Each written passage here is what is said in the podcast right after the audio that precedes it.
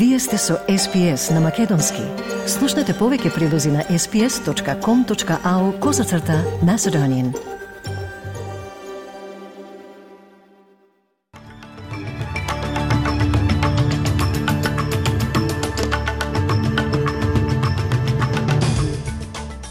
Од денешниот билтен вести издвојуваме. Повеќе од 60 сенегалски мигранти се стравува дека се мртви откако брод се превртал крај брегот на Зеленорадските острови.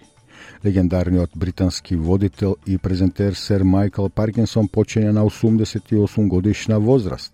И денеска во Македонското собрание треба да се одржи седница за утврдување на потребата за измени во Уставот. Слушајте не.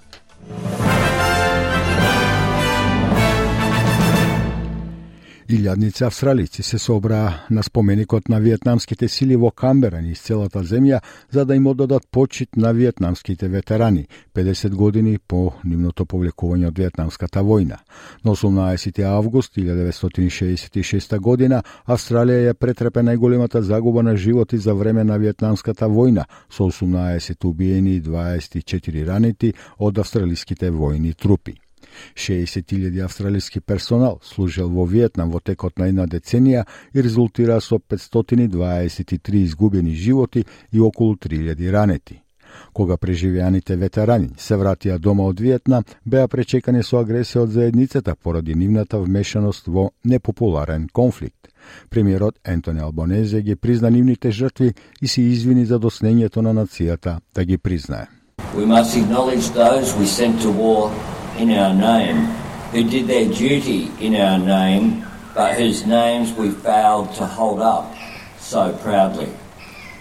Fifty years after the role of Australian troops in the hostilities in Vietnam came to an end, let us again acknowledge you.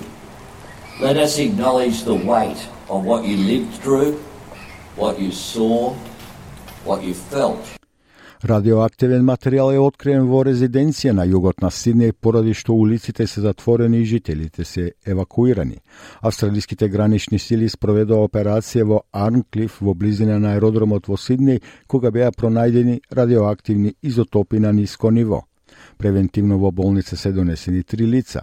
Тестирањето на управата за заштита на животната средина потврди дека нема докази да за изложеност на радиација.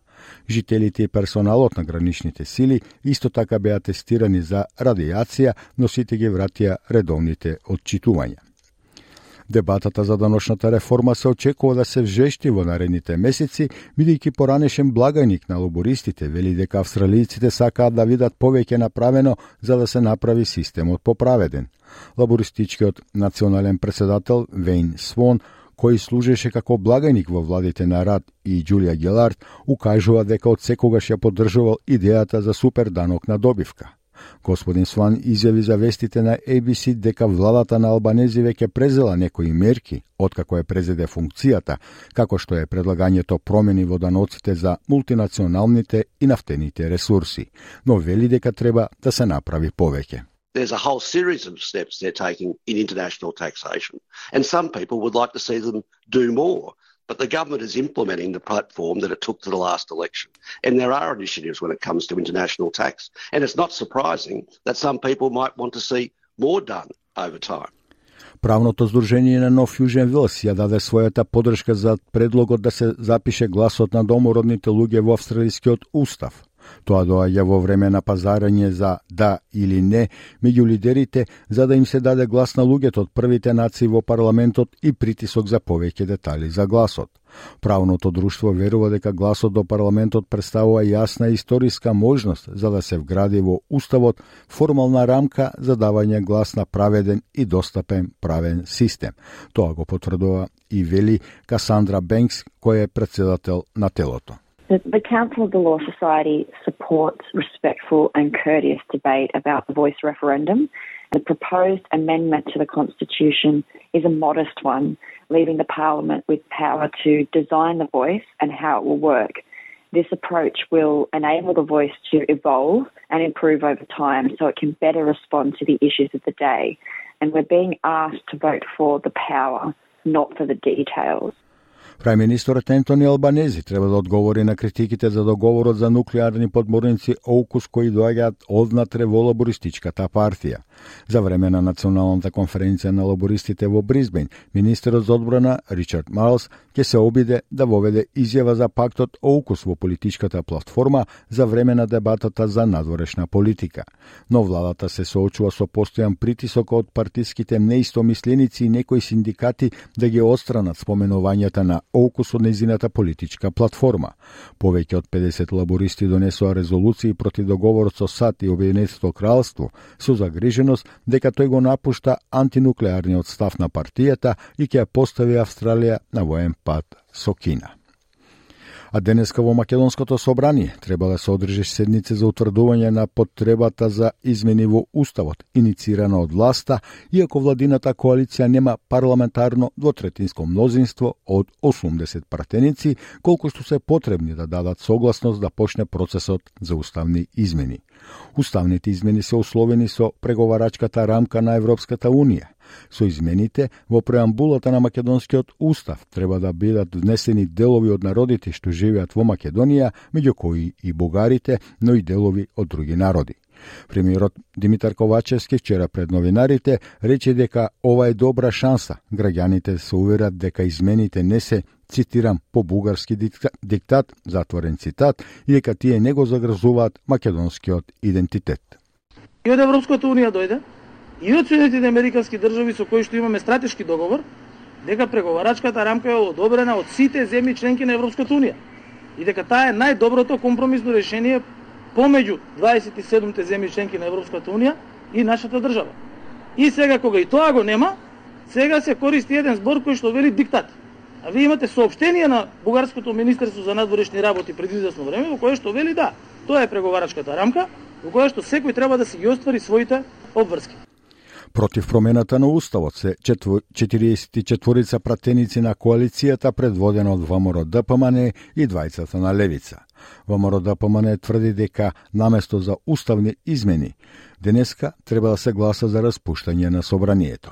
Лидерот на Опозицијската ВМРО ДПМН Христијан Мицковски синоќа пак во гостувањето на телевизија Сител рече дека неговата партија ќе гласа за уставните измени само ако, цитирам, Европската Унија даде гаранции дека ќе се задржат македонскиот идентитет, традицијата и културата, затворен цитат се стравува дека повеќе од 60 мигранти загинале откако брод со 100 претежно сенегалски мигранти се преврате во близина на брегот на Зеленорадските острови. Бродот бил забележан како плови на 14 август од рибарски брод управуван од шпанската компанија Певаса. Екипажот спасил 38 преживеани, излекол тела на средум жртви во близина на Зеленорадските острови, кои се наоѓа на околу 620 километри од брегот на Западна Африка. На оние кои не се во болница им се обезбедува за солниште во локалното училиште. Здравствениот представник на островот Сал, Хозе Мориера вели дека нивната состојба се подобрува. Entre os, portanto, os náufragos, temos sete que expiram. The survivors are better. They're being hydrated. They're being looked after here in the tent, here at the port.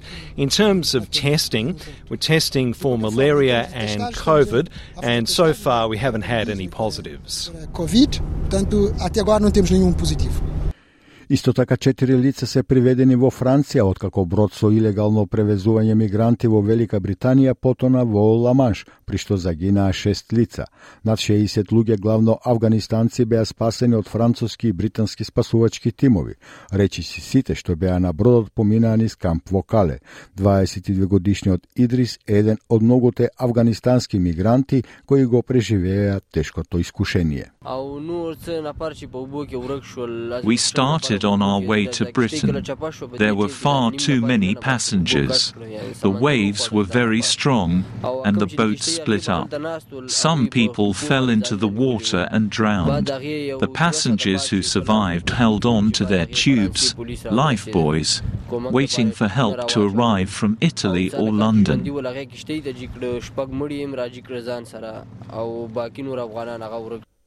Сингапурската полиција заплене на милиарда сингапурски долари имот од банда странци кои перат приходи од организиран криминал. Уапсени се најмалку 10 странци на возраст меѓу 31 и 44 години. Во еден од најголемите случаи на перење пари, полицијата вели дека со 400 полицајци во истовремени Сингапур започнале истовремени рации во резиденција низ градот држава. Биле опфатени 94 куки, банкарски сметки во вкупна вредност од 110 милиони долари, 50 автомобили, купишта готовина во вкупна вредност од 23 милиони долари, стотици дизајнерски чанти и часовници, накид и две златни прачки кои се нашле меѓу вредните предмети. Легендарниот британски водител на ток-шоу Сер Майкл Перкинсон е запаметен како джин на радиодифузијата по неговата смрт на 88 годишна возраст.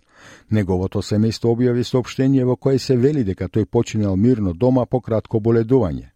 Неговата кариера траеше 7 децени во весниците, радиото и телевизијата и тој имаше интервјуа со некои од најголемите светски имиња во неговото толк шоу Перкинсон.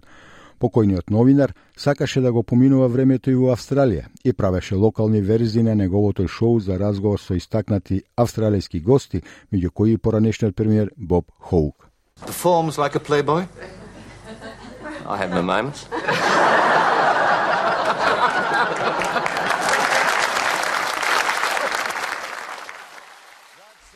Едно од неговите редовни австралијски гости беше покојната дам Една Еверич, која еднаш откри дека имала само мала естетска операција.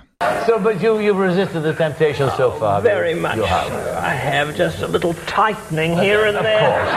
no, way you can see.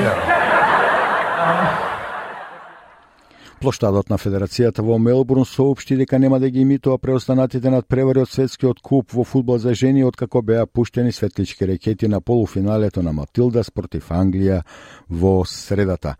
Од тогаш викториската полиција им изрече казни од повеќе од 960 долари на четворица мажи на возраст меѓу 16 и 23 години за поседување ракети и предупреди уште едно 16 годишно момче за фрлање сетлечка ракета. За спортот подосна во програмата.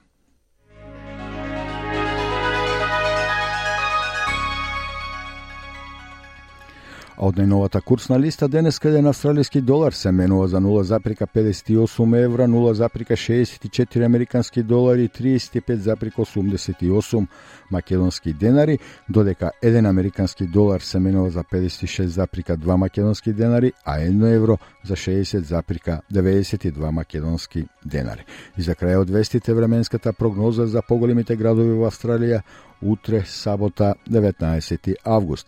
Перт делумно облачно до 21 степен, Аделајд слаби повремени врнежи од до 16, Мелбурн слаб повремен дожд исто така 16 степени, 16 степени во Хобарт, но ќе биде облачно.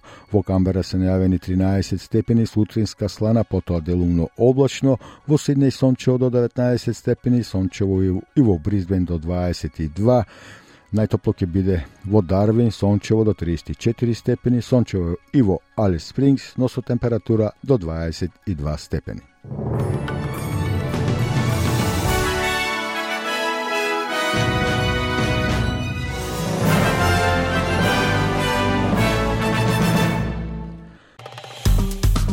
Стиснете, ми се допаѓа, споделете, коментирајте. Следете ја SPS на Македонски на Facebook.